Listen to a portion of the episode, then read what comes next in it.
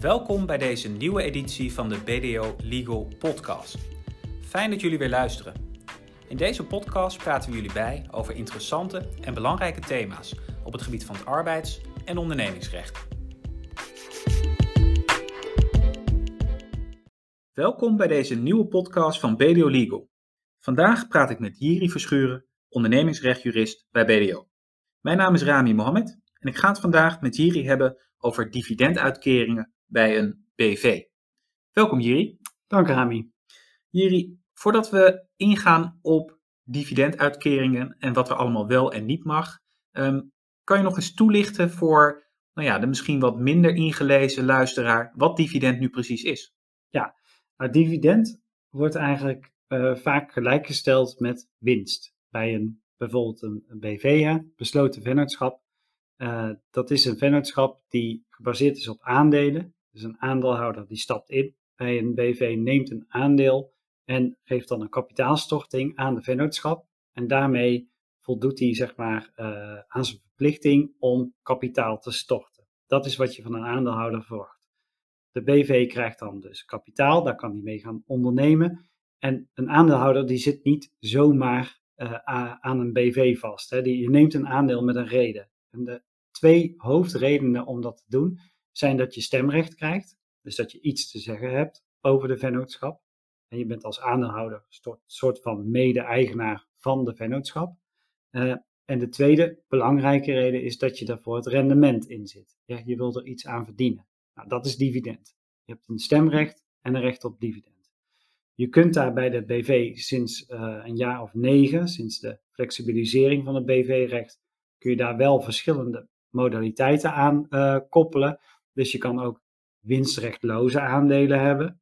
Dan heb je alleen stemrecht. Dus dan zit je erin, heb je zoiets van: ik wil zeggenschap hebben, maar het dividend, daarvoor zit ik er niet in. Je kan ook stemrechtloze aandelen hebben. Dan zeg je: joh, ik zie de winst wel verschijnen, maar ik hoef allemaal niet uh, te beslissen over de koers van de vennootschap. Maar traditioneel gezien, normaal gezien, zijn die twee rechten allebei aan een aandeel gekoppeld. Nou, een dividend ziet dus op het winstgerechtigheid, op, op het rendementstukje. Oké, okay, duidelijk, duidelijk. En ik begrijp dat er dus wat verschillende smaken zijn in, uh, in aandelen. Ja. Stel nu je hebt uh, zowel stemrecht als recht op dividend. Betekent dat dat een onderneming altijd dividend moet uitkeren? Nee, dat betekent niet dat je dan ook jaarlijks recht hebt op dividend. Hè. Er moet dan een algemene vergadering gehouden worden. En nou, je bent, soms ben je 100% aandeelhouder, dan heb jij het voor te zeggen. Hè. Is er dan winst gemaakt, uh, dat, ja, dan kun je beslissen over dat uh, uitkeren van het dividend. Maar het gebeurt natuurlijk ook dat je met meerdere aandeelhouders bent bij een, bij een BV. En dan is het niet zo van, nou, ik kom naar de vergadering en ik heb recht op dividend. Nee, daar moet de algemene vergadering echt over besluiten. Er is wel in de, in de rechtspraak uitgemaakt dat bijvoorbeeld een meerderheidsaandeelhouder, stel je hebt een, een, meerderheidsaandeelhouder die heeft 95% van de stemrechten uh, uh, en de ander heeft 5% van de aandelen. Als die meerderheidsaandeelhouder nou ieder jaar maar besluit van, nou, ik heb het geld niet nodig, hè, die zit goed in de slappe was, uh, bij wijze van spreken, die zit er eigenlijk niet in om er heel veel aan te verdienen op korte termijn. Die zegt van, nou, we reserveren alle winst. Dus er wordt wel winst gemaakt ieder jaar, maar steeds wordt dat in de vennootschap gehouden. Onder het mom van investeringen moeten we doen, of we moeten een buffer uh, opbouwen, wat dan ook ja, dan kan op een gegeven moment die minderheidsaandeelhouder natuurlijk wel gefrustreerd worden, want die wil zijn dividend uh, zien. Nou, en, er is wel in de rechtspraak uitgemaakt dat je ja, voor een onbepaalde tijd, zeg maar onvoorwaardelijk, uh, steeds maar geen dividend uitkeren, dat kun je ook niet doen. Dus het heeft twee kanten, de medaille. Je hebt niet een vaststaand recht op uh, dividend als individuele aandeelhouder, maar het is ook niet zo dat je altijd maar van je dividend moet afzien. Oké. Okay. Duidelijk. Dus ja. uh, afhankelijk van de omstandigheden van het geval, zoals een zo, goed jurist zou zeggen. Zo is het, zo is het. um, Oké, okay, wat meer de inhoud in. Um, als we het hebben over een dividenduitkering. Um, hoe werkt dat precies? Wat is het proces om tot een dividenduitkering te komen? Nou, bij een uh, BV wordt meestal jaarlijks besloten of er ruimte is om dividend uit te keren aan de aandeelhouders. Nou, het is niet voor niks ja, dat ik zeg jaarlijks. Je hebt ook te maken met een jaarrekening. En je ziet vaak dat dat gekoppeld is aan elkaar. Hè. Het boekjaar gaat voorbij, dat loopt vaak gelijk met het kalenderjaar. Nou, wordt het voorjaar en dan moet de jaarrekening worden opgemaakt. Nou, dan wordt die jaarrekening wordt opgemaakt en dan blijkt ook ehm, ja, wat het resultaat van de BV is geweest in het boekjaar daarvoor. Nou, kan verlies geleden zijn, maar er kan natuurlijk ook winst gemaakt eh, zijn. Nou, en dan ga je dus kijken als het een goed jaar is geweest, dan is er ook ruimte om geld uit te keren. En de wet bepaalt dan dat het de algemene vergadering is, dus die groep van aandeelhouders eigenlijk. Uh, ja, die zijn als het ware ook de belanghebbenden, de eigenaren van, dat, van die aandelen zijn ook een stukje eigenaar van de onderneming, zo kun je dat zien. Uh, die mogen besluiten volgens de wet over de bestemming van de winst die door de vaststelling van de jaarrekening is bepaald. En überhaupt gaan zij over de vaststelling van uitkeringen. Dus ook als het even niet gekoppeld is aan de jaarrekening, bijvoorbeeld een term die je ook nog wel eens hoort, interim dividend, dat je over het lopende boekjaar alvast een uitkering doet. Ook daar is de algemene vergadering het orgaan dat bevoegd is om daarover te besluiten. Oké, dus het is niet de bestuurder die bepaalt of er een dividenduitkering wordt gedaan, het zijn echt de aandeelhouders. Ja, het gaat vaak wel in samenspraak, want de bestuurder die heeft natuurlijk de dagelijkse gang van zaken in de smiezen en die, zit, ja, die moet ook de administratie bijhouden.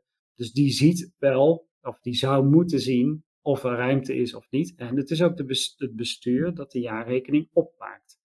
Dus het, ja, het is niet zo dat dat natuurlijk helemaal losstaande organen zijn van elkaar. Dus het bestuur heeft zeker wel daar een rol in. Maar de wettelijke bevoegdheid tot het vaststellen van uitkeringen, die ligt bij de algemene vergadering. Die mogen daartoe beslissen in bepaalde gevallen. Uh, want er moet wel een, wat wij noemen een beperkte balanstest gedaan worden bij de BV. Ehm, en je, je mag dus een uitkering doen als je eigen vermogen groter is dan de reserves. Ehm, je hebt wettelijke en statutaire reserves. Ehm, die kun je in ieder geval hebben. Dus op grond van de wet kan er soms een reserve aangehouden moeten worden. Die, die, mag je, die moet je dan op de balans laten staan. Een bedrag ter grootte daarvan. Ehm, maar goed, als je eigen vermogen maar groter is dan de wettelijke en statutaire reserves, dan mag je een uitkering doen. Nou is het wel zo dat er ja, als die wettelijke reserves, dat zijn er niet heel veel. Als je die niet hoeft aan te houden, ook in je statuten heb je geen verplichte reserves staan, ja, dan kun je bij een BV ja, eigenlijk wel oneindig uitkeren. Zeg maar. Dan ben je daar niet aan gebonden. Oké, duidelijk. En stel de aandeelhouders nemen dat besluit, wat gebeurt er daarna? Ja, dan, dan hè, het enkele nemen van het besluit door de algemene vergadering van nou, we gaan een x-bedrag uitkeren of wij willen een x-bedrag uh, hebben aan dividend, dat betekent nog niet dat het op de bankrekening staat. Daarvoor heb je dus wel bestuur nodig. En daarom zei ik ook net van het zijn twee verschillende organen, maar ze zijn allebei, allebei wel betrokken en ook op grond van de wet. Want het besluit van de AV, van de Algemene Vergadering, zo zegt ook de wet, heeft geen gevolg zolang het bestuur daar geen goedkeuring aan verleent.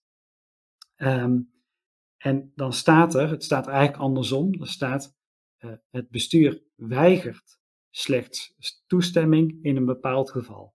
En dat geval, uh, ja, dat ziet erop dat het bestuur moet nagaan uh, of de vennootschap na uitkering van het bedrag nog kan doorgaan met het betalen van de opeisbare schulden. Dus die moet eigenlijk gewoon echt gaan kijken van, ja, wat is er aan schulden en wat wil de algemene vergadering nu uitgekeerd hebben en kan dat wel? En uh, nou ja, dat kan op twee manieren blijken dat ze uh, vinden dat dat besluit akkoord is, hè, dat ze die goedkeuring verlenen. Het ene is dat ze een expliciet een bestuursbesluit nemen. Dus houden gewoon een bestuursvergadering, kijken of het kan. Soms doen ze dat al voor de algemene vergadering. Dan doen zij een voorstel van, hey, we hebben al uitgerekend wat er kan. Uh, maar dan, dan leggen ze het vast in een bestuursbesluit. Soms is het ook impliciet door het betaalbaar stellen van het bedrag. Ja, want als jij een besluit van hoge hand, zou ik maar even zeggen, van de algemene vergadering krijgt van ja, uh, een ton uitkering en vervolgens nou, check je dat en, je maakt het over, ja, dan geef je impliciet ook die goedkeuring die de wet vereist. Um, en daarbij moet dus ja, bij die test, die uitkeringstest, uh, uh, het doen, het kijken van wat heeft de vennootschap aan schulden En wat kan ik nu uitkeren?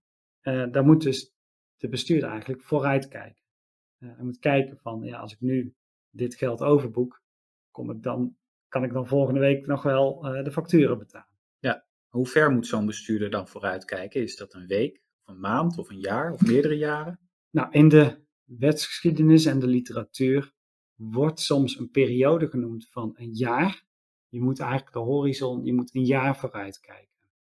Maar dat is geen vaststaande periode. Het is natuurlijk duidelijk dat een bestuurder heeft geen glazen bol. Dus hè, die een bestuurder kan uh, ook de toekomst niet uh, voorspellen. Dus je kunt niet van hem verwachten dat hij een oneindige periode vooruit kijkt. Niemand weet hoe de wereld over een paar jaar uitziet. Dus dat wordt ook niet van hem gevraagd. Maar het is ook niet zo dat hij maar een week vooruit hoeft te kijken. Hij moet echt wel verder kijken dan zijn neus lang is. Uh, en, en, en, inschatten van ja, wat komt er nog aan reële verplichtingen op de vennootschap af. Dat kan zijn dat het vandaag niet opeisbaar is. Maar als jij weet dat er over, uh, nou niet over 12 maanden, maar over 13 maanden, dat er dan een bedrag van uh, 10 miljoen betaald moet worden aan iemand. Uh, ja, dan moet je daar ook al rekening mee houden, want dat, weet je nu al. Ja, dan moet je dat meenemen. Dan kan je niet zeggen van ik hoef op grond van de wetsgeschiedenis maar een jaar in beginsel nee. vooruit te kijken. Nee, maar als je weet dat je over 13 maanden een enorm bedrag, uh, dan kun je maar beter daar nu rekening uh, bij houden, uh, mee houden bij de uitkeringstest. Ja. En um, oké, okay. nou dat is een beetje het proces. Wat nu als het misgaat na het doen van de uitkering?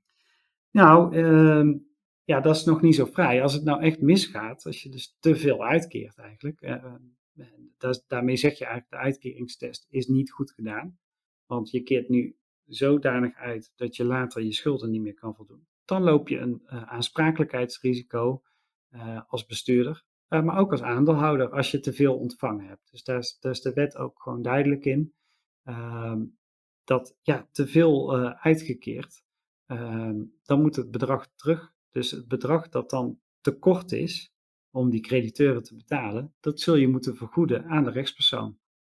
Oké. Ehm, nou ja, goed. En dat, dat lijkt ook, dat is ook logisch, hè? Want uh, ja, had jij dat bedrag niet uitgekeerd, dan was het tekort ook niet ontstaan. Dus even als je, in rekenvoorbeelden, als je vijf ton uitkeert en je hebt later een tekort van, van twee ton, ja, dan blijkt dus gewoon achteraf van ja, je hebt gewoon meer uitgekeerd dan de vennootschap eigenlijk kon dragen. En zoals ik net al zei, ja, je hoeft daar niet uh, tot in het oneindige vooruit te kijken, maar je moet wel kijken, uh, ja, welke schulden zijn er? Wat komt er nog op ons af?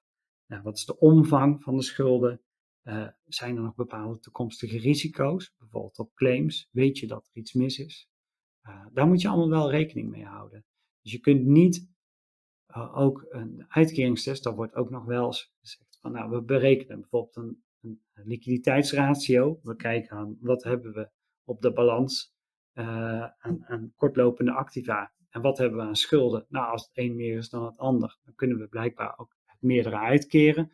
Nou, een ratio is maar een ratio. Het is een indicatie, maar je moet het totaalplaatje moet je meenemen. Ja, duidelijk.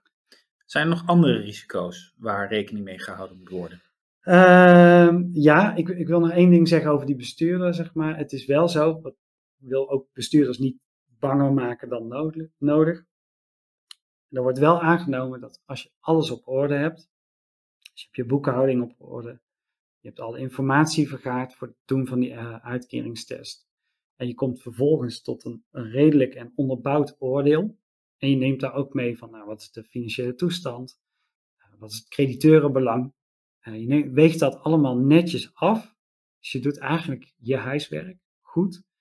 Dan hoef je geen aansprakelijkheid te vrezen. Zo wordt ook in de. Ook niet als het verkeerd afloopt. Nee, precies. Kijk, dat, dat wil ik meegeven van het feit, het kan altijd verkeerd aflopen. Hè? En dan kun je bij ieder faillissement zou je kunnen zeggen, ja, als er ooit iets is uitgekeerd daarvoor, dan is het dus te veel geweest. Maar zo werkt het niet helemaal. Het is, het is echt gewoon een kwestie van goed je huiswerk doen, alle belangen goed afwegen. En dan is dat aansprakelijkheidsrisico gewoon kleiner. Maar het is niet van we doen maar een dotje en we keren uit. Dan loop je dus wel dat risico. Ja.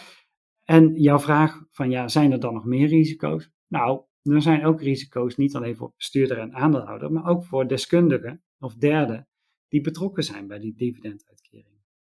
Er is een recente uitspraak ook geweest van de rechtbank Rotterdam, waarin inderdaad een bestuurder aansprakelijk werd gehouden. Daar was de vennootschap uh, een jaar, anderhalf jaar na het doen van de uitkering failliet gegaan. En de curator zei van ja, bestuurder, je hebt die dividenduitkering gedaan, maar dat had niet gemogen, dus ik, acht jou aansprakelijk. En die bestuurder zei van ja, maar uh, als ik aansprakelijk ben, dan weet ik nog wel iemand die aansprakelijk is, namelijk degene die mij geadviseerd heeft over het doen van die dividenduitkering. Nou, in dat geval was het een accountant. En die accountant die werd uh, opgeroepen in die procedure, in de vrijwaringszaak, zo noem je dat dan, als iemand iemand anders oproept om, uh, en zegt van uh, hij is eigenlijk aansprakelijk. En daar had de bestuurder in dit geval succes mee. Want die accountant, ja, die was dus gaan adviseren over die dividenduitkering. Dus die was met de bestuurder gaan meedenken.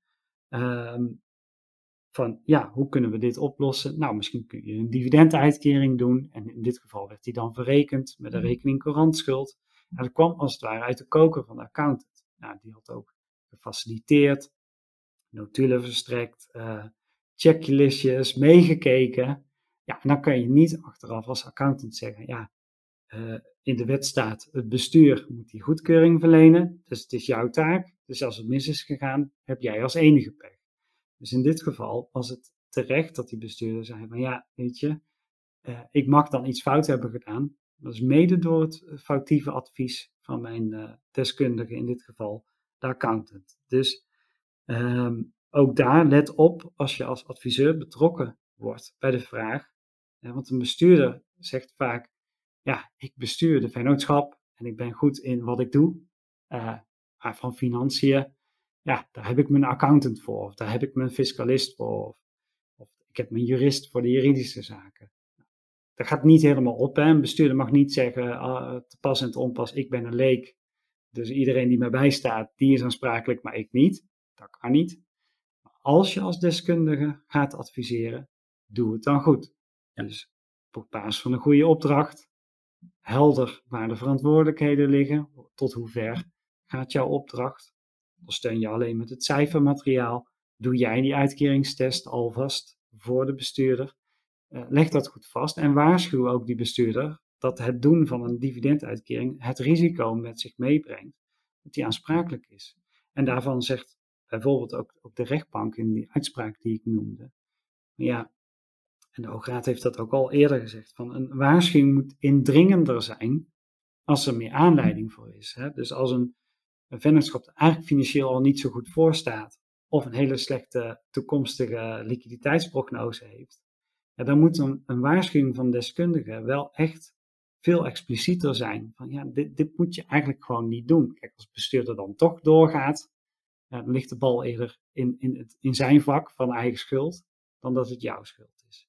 Maar het is een goede tip dus voor, uh, uh, voor adviseurs. Bedenk goed hoe ver reikt mijn opdracht? Wat ben ik nu aan het doen? En waar liggen nou de taken en verantwoordelijkheden hier? Ja, neem die zorgplicht dus uh, echt serieus. Ja, neem want uh, anders wordt die aansprakelijkheid uh, wellicht op jou afgeschoven. Zeker. Duidelijke tip, goede tip. Um, heb je nog andere tips als het gaat om het doen van dividenduitkering? Ja, nog één wat meer tijdsgebonden tip. Hè, want het voorgaande geldt eigenlijk in, in, in alle jaren. Ehm, maar vooral een tip voor dit jaar en voor volgend jaar. En ik hoop dat, dat, uh, dat daarna afgelopen is met de relevantie van deze tip, want die gaat over de NOW. NOW is natuurlijk een loonkostensubsidieregeling. Daar hebben we eerder ook uh, andere podcasts uh, over opgenomen samen. En er zijn veel ondernemers die een beroep hebben gedaan vanwege de coronacrisis en het daarbij behorende omzetverlies op de NOW.